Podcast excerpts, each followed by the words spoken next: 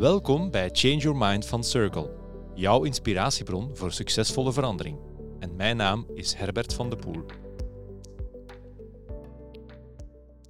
Welkom bij alweer een nieuwe podcast van Change Your Mind. Vandaag gaan we het rond een specifiek thema hebben met mijn gast Rashid Et Taibi over zijn boek Durf inclusief te ondernemen en de specifieke opportuniteiten en risico's dat dat met zich meebrengt. Welkom Rashid. Dank u.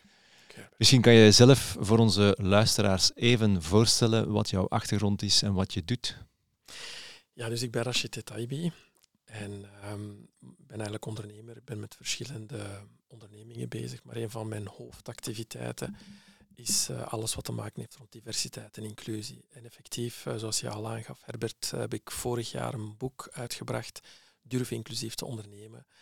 Omdat er eigenlijk op de markt hier in België niet echt een specifiek boek daarover bestaat. En uh, ja, dat was, ik vond de nood heel hoog om dat te doen. Er is nog veel werk aan de winkel. Ja. Dus dat is de reden omdat dat boek verschenen is vorig jaar. Wat heeft jou daartoe aangezet? Wat is de grote inspiratiebron daarvoor geweest? Wel, uh, mijn levensloop. Dus ik ben geboren in Marokko. Ik ben naar hier gekomen op jonge leeftijd als kleuter. En uh, terechtgekomen in een uh, Vlaams dorpje. Waar wij eigenlijk de enige waren met allochtone roots. En ik heb daar een beetje een prijs voor moeten betalen. In die zin dat ik het moeilijk had op school. Ook gepest geweest. moeilijke jeugd gehad. Nadien in het secundair was ik ook weer de enige met exotische roots, uh, ook daar gepest geweest. Dus eigenlijk van jongs af aan had ik eigenlijk altijd het gevoel van ik hoor er niet bij. En uh, in mijn zestiende zat ik, op mijn zestiende zat ik eigenlijk vrij diep wat dat betreft. Ik was ook iemand die heel introvert was, uh, iemand die teruggetrokken leefde, die ook niet echt hield van de buitenwereld. En ik droomde van een wereld eigenlijk waar alles vlot liep, waar ik eigenlijk uh, succes boekte, waar ik een groot sociaal netwerk had. Um, vroeger was dat heel beperkt tot één, uh, één vriend en op school en dat was het. En eigenlijk mijn zoektocht naar mijn eerste job is mijn allereerste ervaring rond diversiteit en inclusie. Dus ik ben actief op zoek gegaan naar een onderneming waar ik, Rashid Etaibi, met mijn achtergrond gewoon mezelf kon zijn. En ik ben eigenlijk bij een onderneming terechtgekomen waar dat effectief een heel belangrijke prioriteit was. En dat was mijn fantastische ervaring, heeft me echt toen openbloeien. Dus eigenlijk is dat een journey die eigenlijk meer dan twintig jaar geleden begonnen is. En ik heb in die onderneming ook actief meegeholpen rond uh, diversiteit en inclusie. Om je een voorbeeldje te geven, de eerste dag uh, zei die supervisor mij ook van Rashid, ik weet dat je moslim bent. Ik weet dat jullie een paar keer per dag bidden, dus als je dat wil doen, zoek je een kantoor uit, sluit de deur en doe gerust uw ding ja, dat geeft je gewoon direct een thuisgevoel van ja, ik word hier geapprecieerd voor wie ik ben. Um, ik moet niet wakker liggen van mijn achtergrond, van mijn geloof, van wie ik ben. En uh, dat was echt een fantastische start. Uh, dus van in het begin voelde ik mij thuis. En daar zag ik eigenlijk de kracht van diversiteit en inclusie. Dus dat was een heel grote onderneming, een multinational, die actief was over heel de wereld. Ik heb ook actief meegeholpen aan het beleid. Ik was ook vertrouwenspersoon of harassment advisor. En um, ik heb eigenlijk constant ook te maken gehad met change, met verandering in mijn leven. En uh, Um, ik heb eigenlijk vorig jaar was voor mij het moment om een boek te schrijven en ik begeleid nu actief ondernemingen om diversiteit en inclusie te implementeren of te omarmen op de werkvloer. En moeten we dat dan beperken tot mensen met een andere achtergrond, met een andere uh, nationaliteit, een andere cultuur, of, of, is dat echt zeer divers? Totaal niet. Hè. Dus uh, het is echt minderheden, zullen we maar zeggen, of uh, mensen. Eigenlijk in C is het belangrijk als we spreken bijvoorbeeld over het woord inclusie. Dat wil zeggen dat we iedereen betrekken. Niet alleen mensen van minder, uh, minderheidsgroepen, maar ook bijvoorbeeld mensen die verlegen zijn, die introvert zijn, die bijvoorbeeld in een meeting zitten, maar die nooit deelnemen of die nooit vragen durven stellen. Wel, inclusie wil zeggen, ja, betrek die mensen er ook bij. Dus dat hoeven niet per se altijd mensen te zijn die van een minderheidsgroep zijn, zoals uh, mensen met een allochtone achtergrond, mensen met beperkingen, mensen van LGBTQ plus uh, community. Dus eigenlijk in C iedereen gewoon mee aan boord uh, betrekken. En waarom denk jij dat een organisatie met dat thema moet bezig zijn? Wel, er zijn talloze onderzoeken geweest waarin dat eigenlijk heel duidelijk gebleken is van ja, kijk, als je hieraan meedoet, dan scoor je ongetwijfeld beter als je collega's. Dus uh, er zijn genoeg eh, bewijzen van. De meest bekende zijn de grotere bedrijven, à la Google, à la Apple. Uh, ik ken zelf ook bedrijven hier genoeg in de omgeving dat het doet, die het doen, die het toepassen. Waarom zou je het doen? Er zijn een zestal voordelen volgens mij. Ten eerste, we hebben hier in België met een gigantisch uh, tekort aan personeel uh, te maken. Dus er is een war for talent. En als je die EIB of diversiteit, equity, inclusion en belonging toepast, dan uh, trek je extra personeel aan. Ik ben daar schoonste voorbeeld van, dus ik ben actief op zoek gaan naar ondernemingen waar ik aan de slag kon. En dus je gaat mensen naar jou toe trekken. Um, ten tweede, je, gaat, um, je behoudt het personeel dat je al hebt. Dus ik heb bijvoorbeeld bij één werkgever gewerkt en nergens anders, omdat ik me daar zo thuis voelde. Ook al werd ik gecontacteerd door headhunters en dergelijke, bleef gewoon daar, omdat ik me daar zo goed voelde. Ten derde, het, uh, het is ook een, een, vorm van een innovation engine. Dus als je je goed voelt, als je je gewaardeerd voelt, ja, dan ga je gewoon het beste van jezelf geven. Je hoeft je niet in te houden, je kan gewoon jouw ding doen. Ik heb in alle bescheidenheid ook fantastische dingen gedaan voor die onderneming. Ten vierde, je verhoogt de omzet, wat ook ergens logisch is. Als mensen zich gewaardeerd voelen, als mensen zich niet moeten inhouden, ze kunnen zichzelf zijn, dat vertaalt zich in cijfermatig. We zien daar in onderzoeken van uh, verschillen tot 35% betere resultaten. Dus dat is toch wel significant. Um, uh, voorlaatst kunnen we zeggen ook dat je aan employer branding doet. Dat wil zeggen dat je eigenlijk ja, in een de arbeidsmarkt, waar er veel krapte is, dat je eigenlijk met kop en schouders bovenop de anderen uitsteekt. Zoals net eh, gezegd, je trekt extra mensen erdoor aan. En last but not least, een hogere customer satisfaction. Dus als je mensen rondlopen met een smile, omdat ze zich zo goed voelen, dat vertaalt zich in betere uh, klantentevredenheid uh, en een grotere klantenbinding. Mm Ik neem aan dat dat een thema is dat niet zomaar van dag 1 op dag 2 op de beleidstafel gelegd wordt omdat ik vermoed dat, hè, daar moeten we ook eerlijk in zijn, in België, dat we misschien soms wel wat kortzichtig zijn of houden, vasthouden aan onze tradities en culturen.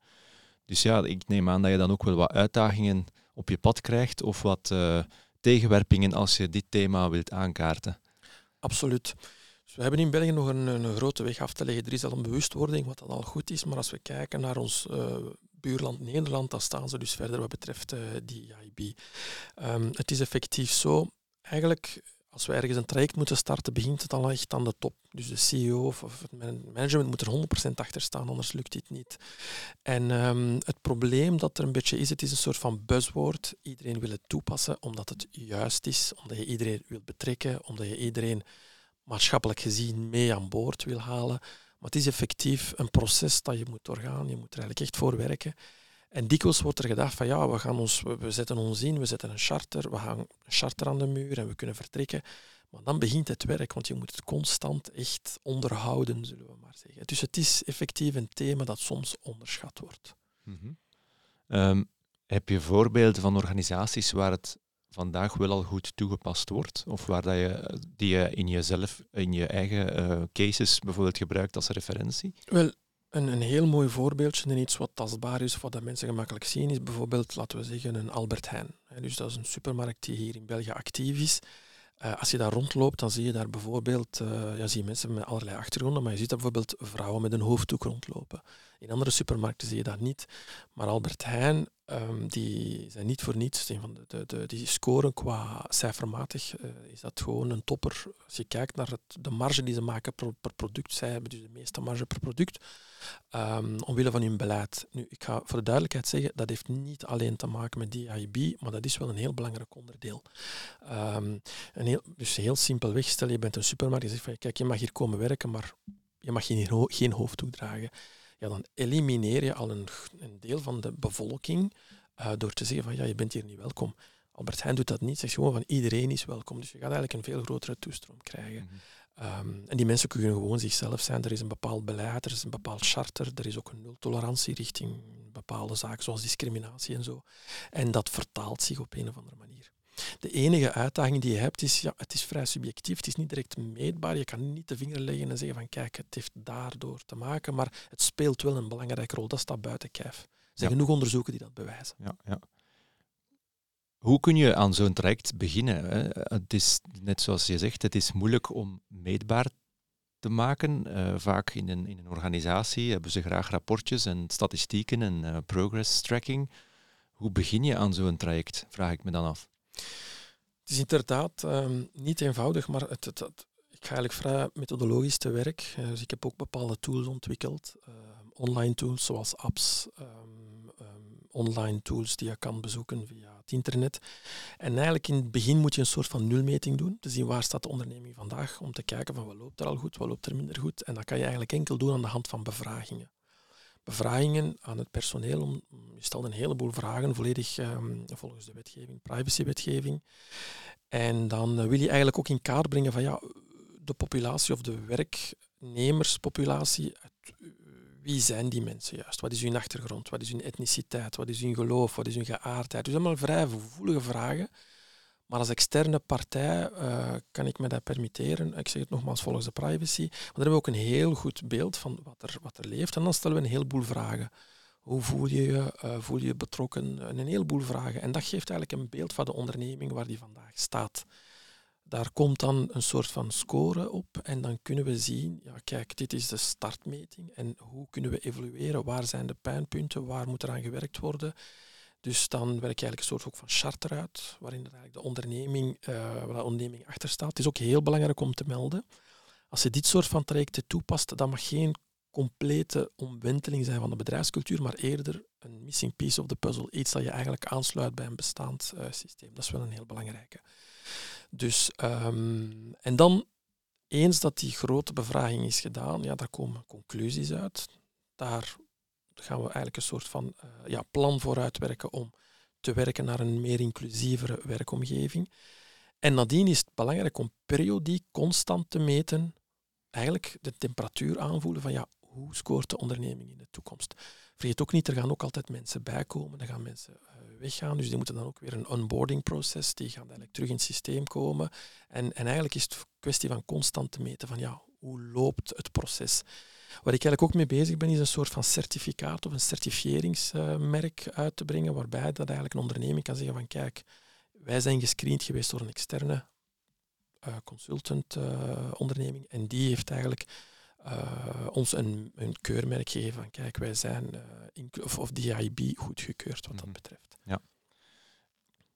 Ander ding dat ik mij afvraag is dat als je dit element op de beleidstafel legt, dat er ook heel wat mensen, heel wat managers, middellaag management bijvoorbeeld, um, daar zich niet comfortabel in gaat voelen en daar bijvoorbeeld niet gaat achter staan. Heb je daar ervaring mee hoe dat je dat aanpakt? Wel, ik denk een heel belangrijk proces in heel dit verhaal is sensibiliseren. dus ik geef ook keynotes aan ondernemingen en ik moet eerlijk zeggen dat er heel positieve reacties op. Ik doe heel veel aan storytelling. Dus ik gebruik mijn eigen ervaringen om duidelijk te maken van ja, wat er fout is gelopen en hoe dat je daarmee kan omgaan. En uh, middelmanagement is een heel belangrijke, want het zijn zij die eigenlijk rechtstreeks te maken hebben met een grote groep mensen onder hun, uh, afhankelijk van de onderneming uiteraard. Maar dat is een heel belangrijke eh, zeg maar, doelgroep om te overtuigen wat het belang is. Het heeft ook een impact op hun. Ze zijn ook onderdeel van het systeem. Ze rapporteren ook aan mensen hoger af. Dus als die mensen ook eigenlijk betrokken worden in het proces uh, en zichzelf kunnen zijn, is dat eigenlijk een win-win voor hun, maar ook voor de mensen die dat eigenlijk aan hun rapporteren. Dus dat is kwestie van ja, alles begint aan de top. Daar moeten ze overtuigd zijn van het verhaal. Want als het daar niet is, dan houdt het op. Daar zeg ik ook eerlijk van, oké. Meestal word ik ook altijd gevraagd. Het is niet iets dat je wil doorduwen of wil verkopen van kijk. Uh, maar je probeert wel ergens duidelijk maken van kijk, het is belangrijk. En als het management of de CEO of um, de ondernemer erachter staat, dan pas kan je eigenlijk gaan praten erover. En dan is het kwestie effectief van het management te overtuigen, vooral het middenmanagement en dan eigenlijk de rest van de werknemers. Dat uh, is een mooie gelijkenis met hoe dat wij veranderingstraject, denk ik, uh, ook vaak perciperen. Is de, de, rol van de sponsor is daar superbelangrijk. Als uh, het sponsorship niet voldoende hard kan gemaakt worden of niet voldoende aanwezig is, ja, dan droogt een dergelijk initiatief ook op. Dus ik neem aan dat in jouw typische dienstverlening de, de, de reden of de, of de goesting om hier aan te beginnen effectief ook bij de zaakvoerder, bestuurder of, of de raad van bestuur moet kunnen starten. Volledig mee eens. Ja. Dus daar is inderdaad een sponsor, die moet daar 100% achter staan. Er gaan ook bepaalde budgetten tegenover staan. Mijn missie is om dit ook zo toegankelijk mogelijk te maken voor zoveel mogelijk ondernemingen. Dus de bedoeling is ook dat het hele traject volledig online komt te staan met uh, learning platformen, uh, ook gestuurd door artificiële intelligentie, om het ook betaalbaar te maken. Want de grootste kost in dit verhaal is altijd de kost van de consultant, uh, in mijn geval. Um, vooral als je met grote ondernemingen doen hebt, veel bevragingen. Maar als je daar bepaalde dingen kan automatiseren, dan maak je het ook betaalbaar. dus er moeten ook bepaalde budgetten voor beschikbaar zijn.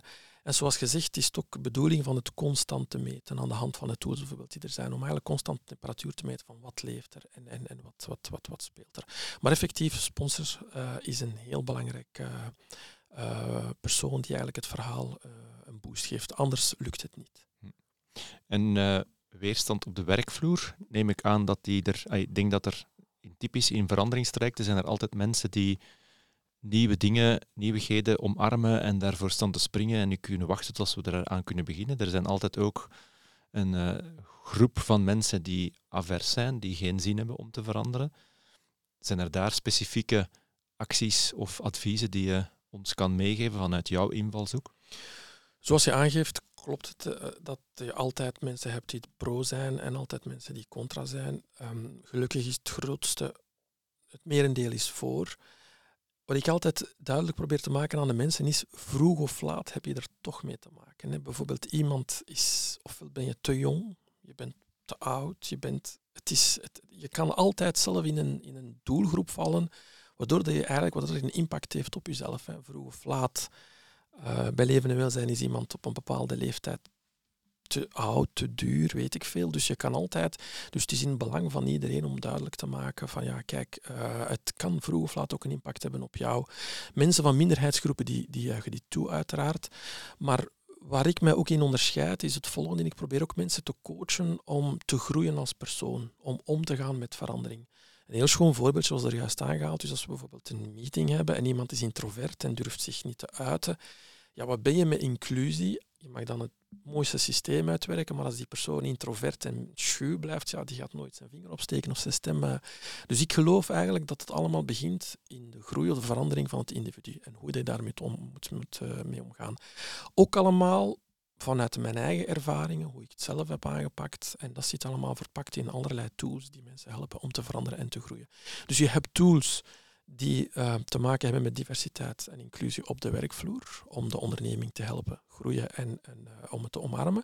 Maar je hebt ook tools in de toekomst die gaan komen om de werknemer als individu te doen groeien en helpen aanpassen en, uh, aan de veranderingen die er constant zijn. Hm. Want dit is eigenlijk een verandering die je wil doorduwen in de onderneming, in het belang van het individu en de werkgever. Dus het is eigenlijk een win-win situatie. Maar sensibilisering is effectief een heel belangrijk. Als je dan terugkijkt op een organisatie die zijn eerste stappen heeft gezet, hoe zorg je er dan voor dat, dat die impact zichtbaar wordt? Of, of hoe moet een organisatie dan zijn werking, zijn manier van functioneren uh, aangepast hebben? Wat is dan concreet merkbaar op, op de werkvloer? Wel, dat zijn allemaal aparte processen die je moet bekijken. Je moet eigenlijk alles in kaart brengen, maar bijvoorbeeld het HR-proces, uh, de, de hiring-procedures uh, die er zijn onder de loep nemen, zien dat het eigenlijk inclusiever eh, gaat. Uh, dat is een hele belangrijke bijvoorbeeld.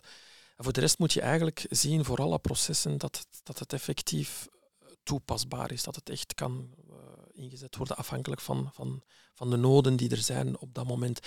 Wat ook een heel belangrijke is, heel dikwijls dikke onderneming van ja, we pakken ergens een charter van een bestaande onderneming, we printen dat we hangen dat aan de muur en that's it. Maar elke onderneming is anders. Elke onderneming werkt ook anders, heeft een andere bedrijfscultuur, een andere identiteit. Dus heel belangrijk om dat in kaart te brengen tijdens die nulmeting en daar eigenlijk rond te werken en ook te zien van ja, kijk, welke processen moeten we hier gaan aanpakken, eventueel aanpassen. Dus change is hier een heel belangrijke. Dus je moet eigenlijk echt openstaan voor verandering om bepaalde zaken te implementeren. Bij sommige ondernemingen gaat dat heel vlot, bij andere ondernemingen gaat dat minder vlot. Ehm, en eigenlijk hoe groter de onderneming, hoe, hoe, duidelijker het belang is van diversiteit en inclusie, omdat je ja, als onderneming, vooral ondernemingen die actief zijn wereldwijd, bijvoorbeeld een multinational, uh, waar ik gewerkt heb, eh, dat was een multinational. Ja, dat zijn bedrijven die wereldwijd bezig zijn. Die is, er is eigenlijk een community op zich. Daar is diversiteit en inclusie sowieso belangrijk. Dus uh, daar is het effectief heel belangrijk om te zien van ja, kijk, dat, dat is voor ons een prioriteit. Ja. Dus als ik jou hoor zeggen, is het um, niet alleen uh, charters maken, niet alleen grote beloftes doen, maar er ook voor zorgen dat um, heel praktische zaken in de organisatie aangepakt en dus veranderd worden. En dan, je spreekt daarover aanwerving. Ik neem aan dat het evengoed gaat over evaluatie, belonen, Ehm, exit misschien ook. Absoluut. Dat is een heel belangrijk. Als, als iemand het bedrijf verlaat, wil je heel graag weten waarom. Want zoals er juist gezegd, een onderneming dat DIB onder, onder, uh, of omarmt, daar zien we dat er het, het, verloop van personeel heel laag is. Dan wil je heel graag weten, ja, die mensen die vertrekken, dan moet je eigenlijk een soort van korte vragenlijst ook voor opstellen van ja, waarom verlaat je de onderneming? Gewoon om te weten, dat kunnen heel andere redenen voor zijn die niks te maken hebben met, maar dat is altijd interessant om te weten. Maar het is effectief belangrijk om te weten, ja, wat speelt er in de mensen hun hoofd? En daarom zijn die bevragingen heel belangrijk. Die periodieke bevragingen bijvoorbeeld, dat is als het ware een, um, ja, een heel korte bevraging om gewoon de temperatuur te meten, maar dan weet je ook constant wat er leeft. In de tools die ik ontwikkeld heb, is er ook een soort van, ja, laten we het zeggen, een soort van alarmknop, een meldingsknop, waar dat mensen bepaalde dingen kunnen melden. Om bijvoorbeeld te zeggen van ja, kijk, ik voel me niet goed, of dat loopt fout, of er is een incident geweest, dat dat eigenlijk kan onderzocht worden, dat daar eigenlijk onmiddellijk de nodige aandacht kan gegeven worden. Anderzijds bijvoorbeeld een ideeënbox. Dus dat is meestal in een bedrijf zo'n busje dat daar hangt uh, vol stof dat nooit gebruikt wordt. Dat zit ook in die tools. En dus we spreken over innovatie. Als iemand een fantastisch idee heeft, dat kan, dat kan iemand zijn die, die eigenlijk het onderhoud doet, maar dat kan iemand zijn, een ingenieur, dat kan een arbeider zijn, maar iedereen heeft toegang tot, tot dat systeem om eigenlijk hun ideeën, en mensen moeten aangemoedigd worden om dat allemaal te delen. Dus uh, dat is inderdaad uh, een belangrijke. Heb je voorbeelden waarin dat het misschien het project goed aangepakt is geweest of opgestart is geweest, maar waar het uiteindelijk een, een stille dood is gestorven of waar het uh, niet is kunnen gerealiseerd worden wat men initieel had uh, voor ogen had? Wat je, daar, wat je meestal meemaakt is uh, dat je bijvoorbeeld iemand bij HR die 100% achter het verhaal staat, de sponsor zeg maar, in dit geval, die overtuigt de superieuren het wordt gelanceerd, het wordt ingezet en dan eh, gaat die persoon met pensioen of, of uh, wordt eigenlijk weggehaald om weet ik veel welke redenen. Er komt iemand anders en die staat er niet achter. Dan gebeurt het effectief dat het helaas stilvalt of dan is het geen prioriteit meer. En dan wordt het ergens zeg maar geparkeerd. Ja. Dus het bestaat. Ja. Ja, dus de rol van sponsorship wordt daar ook weer nog eens uh, benadrukt. benadrukt. Dat uh, is ook iets wat wij vaak, voor, uh, vaak zien in onze projecten, wanneer dat een, een ander beleid of een andere koers wordt uitgezet, of wanneer bepaalde managers van post wisselen, dat plotseling prioriteiten wisselen natuurlijk. Hè. Absoluut. Vandaar dat we ook voorstander zijn van um, duurzame verandering realiseren. Um, we hebben daar een aantal methodologieën voor die we ook gebruiken. In, in hoeverre kan jij vanuit deze insteek um, vaststellen dat een organisatie effectief veranderd is? Wel, ik denk om het heel simpel te houden. Dus nogmaals, het is iets dat, dat je cijfermatig is het heel moeilijk om de vinger op te leggen. Het is vrij subjectief ook allemaal. Um, maar laten we bijvoorbeeld vergelijken met reviews die je nu de dag van vandaag overal ziet. Hè. Een review zegt veel. Dus de werknemers gaan eigenlijk ook een soort van review geven van hoe de onderneming scoort. Um, en dat is denk ik iets tastbaar of dat eigenlijk weer moet geven van hoe score ik als onderneming wat betreft diversiteit en inclusie. Wat uiteindelijk uh, de voice komt van de werknemer. Dus de werknemer is, uh, ja, dat is human capital, dat is heel belangrijk. Een onderneming is niet zonder hun personeel en zij gaan eigenlijk weergeven hoe dat de onderneming erin, erin meegaat. Um, er zijn talloze voorbeelden. Hè. Dus um, om je een voorbeeld te geven, er is een onderneming, of er zijn verschillende ondernemingen, bijvoorbeeld uit die bevragingen zien we van ja, kijk, er is een, een, een, een, grote nood aan een stille ruimte waar mensen even kunnen pauze pakken of even kunnen gaan bidden of weet ik veel. Als het wordt toegepast, um, dan zie je dat de tevredenheid van de mensen echt, echt verandert, omdat er naar hun wordt geluisterd. Zeg je van jet, we doen het niet, dan werkt dat contraproductief natuurlijk in dat verhaal. Um, dus, maar uiteindelijk, ik wil ook heel duidelijk stellen, die IB is eigenlijk, ja, daar zijn ook grenzen aan. Hè, dus de, het framework dat uitgewerkt wordt, uh, gaat heel duidelijk geven van hoe ver willen we gaan, hoe ver kunnen we gaan. En dat bepaalt ook natuurlijk uh, hoe tevreden de werknemers zijn over het succes van de implementatie van het verhaal. Is dit een traject dat je voornamelijk met mensen uit HR-afdeling loopt? Of worden daar ook andere afdelingen bij betrokken? Eigenlijk wordt iedereen erbij betrokken, maar HR speelt er wel een belangrijke rol uiteraard. Dus die mensen moeten er ook absoluut achter staan. Het aanwervingsproces is heel belangrijk. We zitten ook met bepaalde zaken die heel normaal zijn, die menselijk zijn, zoals onbewust vooroordelen. Dat is menselijk, dat is normaal. Dus als je iemand voor jou hebt zitten, dan ga je die automatisch een stempel geven. Want het is ook heel belangrijk om die mensen duidelijk te maken hoe moet je daarmee omgaan. Hoe kan je inclusief mensen aanwerven uh, via de juiste manieren. Um, dus HR is inderdaad een heel belangrijke, maar andere oh, zeg maar afdelingen zijn minstens even belangrijk, omdat ze, ja, eigenlijk is iedereen gewoon belangrijk in het proces. En middelmanagement is een, ook een heel belangrijke. Dus dat zijn mensen die eigenlijk uh, het verhaal zeg maar, naar beneden toe gaan uitrollen en die moeten daar ook absoluut on, achter staan. Wat ik eigenlijk doe, is een soort van mini-keynote geven aan die mensen ook. Uh, om in duidelijk te maken wat belang is. Wat wint de onderneming bij? Want eigenlijk is ook altijd van ja, wat, wat wint de onderneming in dit verhaal? En waarom is het een win-win voor iedereen? En dat is een beetje, dat is eigenlijk heel belangrijk om mee te geven.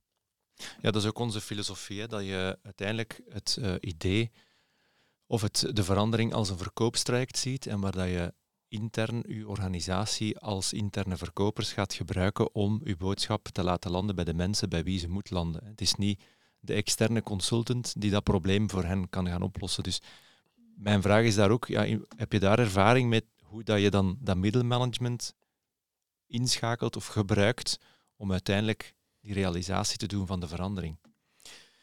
Ja, ten eerste moeten ze begrijpen dat ze een heel belangrijke rol spelen in dat verhaal. En zoals gezegd ook, uh, die mensen staan ook op de payroll. Die spelen, of zij kunnen ook geïmpacteerd worden door een bepaald fenomeen dat zich voordoet. Of, of op een bepaald moment zijn zij ook deel van een bepaalde groep door, omdat ze in een bepaalde leeftijdscategorie komen. Stel dat iemand morgen iets voor heeft en die heeft een beperking. Ja, hoe zou je graag zelf... Ik gebruik een heel krachtig beeld uh, om de mensen te overtuigen. Dus van zet u in de schoenen van. Probeer je in te leven hoe dat iemand zich moet voelen in geval van. Uh, een heel mooi voorbeeldje bijvoorbeeld van iemand in middenmanagement die het heel goed begrepen heeft, dat is uh, het volgende. Een onderneming waar iemand op een winteravond uh, s'avonds wil vertrekken, een dame wil starten, het voertuig start niet, omwille van de koude batterij was plat, had ook geen, geen, geen pechverhelping. Dus uiteindelijk was die dame pas rond middernacht thuis. Dag nadien komt ze naar de manager, een beetje huilend, het verhaal toegelicht omdat de dochter ziek was, ze kon niet op tijd thuis zijn. En die man heeft er eigenlijk iets mee gedaan in die zin. Uh, een week daarna hing er een bord aan de muur met startkabels, met een, een fietspomp, met een herstellingskit. Dat was een heel mooi voorbeeldje om duidelijk te maken van ja, kijk, als het nog eens gebeurt, er hangt iets aan de muur om jullie te helpen. Zo'n dingen worden heel hard gewaardeerd. Eigenlijk een heel kleine investering, maar een heel mooi gebaar van kijk, heel belangrijk in heel dit verhaal is uh, empathie. Dus die man heeft geluisterd, heeft aangevoeld van oké, dat is hier niet goed gelopen, laten we er iets aan doen. Een heel kleine investering. En er werd effectief gebruik van gemaakt van, van, van, van, van die tool. Dus, um, en dat is een hele belangrijke en effectieve. Dus middelmanagement moet eigenlijk overtuigd worden. Dat doe ik ook vaak aan de hand van een keynote, een mini-keynote, waarin ik duidelijk maak van ja, kijk, ook aan de hand van storytelling, aan de hand van echte voorbeelden, aan de hand van effectief zet je in de schoenen van. Stel dat je zelf uh, in die situatie zit, hoe zou je graag zelf behandeld willen worden? Stel je bent iemand van de LGBTQ plus community. En je moet altijd op je hoede zijn omdat je bang bent van oké, hoe gaan ze hiermee omgaan? Of je verstopt je identiteit. Dat werkt heel nefast. Dus, dus je moet je eigenlijk jezelf kunnen uiten. Je moet gewoon jezelf kunnen zijn. Anders kan je niet presteren of niet optimaal presteren. En dat is, dat is, een heel belangrijke, denk ik. Om ja. Um, welke, wat zou je voor jou het mooiste resultaat kunnen zijn uh, aan de hand of naar aanleiding van het boek dat je nu geschreven hebt? Wel, uh, hoe meer ondernemingen die IB um, omarmen, hoe, hoe gelukkiger ik, ik, ben eigenlijk. Ik wil eigenlijk verandering creëren. Ik geloof in verbindingen maken. Omdat ik zelf heb meegemaakt in mijn leven hoe nefast dat kan zijn om, om niet het gevoel te hebben van ik hoor ergens bij. Um, en dat was een hele, dat was echt een katalysator voor mij om daar echt iets aan te doen. En elke onderneming die het omarmt of die het boek leest of die naar die een keynote van mij luistert of, of bij mensen naar een keynote van mij luisteren en zeggen van ja, kijk, we gaan er iets mee doen. Dat is voor mij een, mini-succes. Dat is echt zoiets van yes, ik heb ergens een impact kunnen maken. Ik heb daar ook nog heel grote plannen rond uh, in de toekomst. En uh, ik hoop dat ik echt uh, ergens een, een, soort van ja, katalysator kan zijn of echt een, iemand een sneeuwbaleffect kan creëren om het duidelijk te maken. Er is nog heel veel werk aan de winkel in, in in België. Zoals je daarnet uh, aangaf, zijn we vrij traditioneel, conservatief in bepaalde denkpistes. Je krijgt soms ook vrij veel de opmerking van ja, ik als witte man, ik weet niet goed hoe dat ik daarmee moet omgaan. Hoe, hoe moet ik dat aanpakken? Want we kijken het allemaal een beetje van onze eigen visie. Daarom dat het beeld van zet u in de schoenen van een andere persoon heel belangrijk is. Om mhm. aan te voelen wat die persoon probeert uh, of, of, of, voelt. Uh, met al die kennis en ervaring die je hebt rond die thema's, wat zijn bruikbare tips waarmee mensen, organisaties, managers aan de slag kunnen gaan? Ik heb er een paar er juist al aangehaald, maar uh, empathie is een hele belangrijke. dus empathie, dat wil eigenlijk zeggen dat je um, probeert aan te voelen wat er speelt bij de tegenpartij, bij een doelgroep. Dat je probeert aan te voelen wat er leeft bij de mensen. Luisteren naar de mensen is een hele belangrijke. Dus empathisch luisteren is uh, belangrijk. Ik denk, een onderneming moet heel duidelijk begrijpen dat uh, human capital heel belangrijk is. Dus denk heel het personeel bij je onderneming uh, valt in elkaar. Dus dat is een hele belangrijke. Door te luisteren naar je personeel, door daar gepast op te reageren, um, in een bepaalde framework kan je eigenlijk successen creëren, of een win-win creëren waar iedereen beter van wordt. Ook een heel gemakkelijke is zet u in de schoenen van de tegenpartij. Probeer u even in te leven. Is ook ergens onrechtstreeks verbonden met empathie, maar probeer u eigenlijk nu eens in te leven hoe dat iemand zich moet voelen in bepaalde situaties.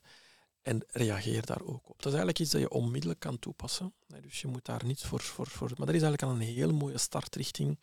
Uh, inclusiever omgaan met je mensen. Als je bijvoorbeeld ook ziet dat bepaalde personeelsleden zich afzonderen of heel stil zijn of eh, dat je het gevoel hebt van ze maken geen deel uit van de groep, probeer die mensen te betrekken. Ga er ook eens mee aan, aan tafel. Probeer eens te, te, luisteren wat er leeft, wat er speelt. Het kan zijn dat het gewoon het karakter is dat de persoon in kwestie zo is, maar ehm, door die mensen een stem te geven of proberen actief te betrekken, uh, gaat die persoon zich persoonlijk beter voelen, die gaat uh, groei voelen ehm, en, en, die gaat er ook dankbaar voor zijn. En dat vertaalt zich dan weer in een betere werkverhouding, win-win situatie en de onderneming wordt er beter van. Je groeit er ook door als mens. Want je gaat echt mensen ja, een beter gevoel geven, mensen zichzelf kunnen zijn. Dus dat geeft u werkelijk een, een, een gevoel van ja, voldoening dat van onschatbare waarde is. Dat is iets dat vrij gemakkelijk over het hoofd wordt gezien. Uiteindelijk, um, een onderneming is er om, um, staat om bepaalde doelen te bereiken vanuit een bepaald economisch standpunt, maar het menselijke verhaal is mooi meegenomen en dat doet je als, als sponsor, als uh, uh, ondernemer, als CEO eigenlijk, of raad van bestuur, doet je eigenlijk absoluut uh, groeien. Oké, okay, dank u wel. zeer helder. Ik vond het ook boeiend om eens ondergedompeld te worden in dit thema. Ik stel ook voor, Rachid, dat onze luisteraars op de site een link kunnen vinden naar jouw boek en meer informatie kunnen vinden over dit thema. ik zou je wel veel succes willen wensen met het verder rondbazuinen van jouw boodschap. En ehm, ik wens ook alle organisaties veel succes toe met het implementeren en het uh, volgen van de juiste veranderingsmethodieken. Dankjewel. Dank u wel. Jullie ook, dank u. Veel succes met uh, wat jullie doen. Bedankt voor het luisteren. Dit was Change Your Mind van Circle, jouw inspiratiebron voor succesvolle verandering. Heb je zelf een interessant thema of ben je op zoek naar meer info over deze podcast? Surf dan naar circle.be slash podcast. En Circle schrijf je met de S van strategisch veranderen.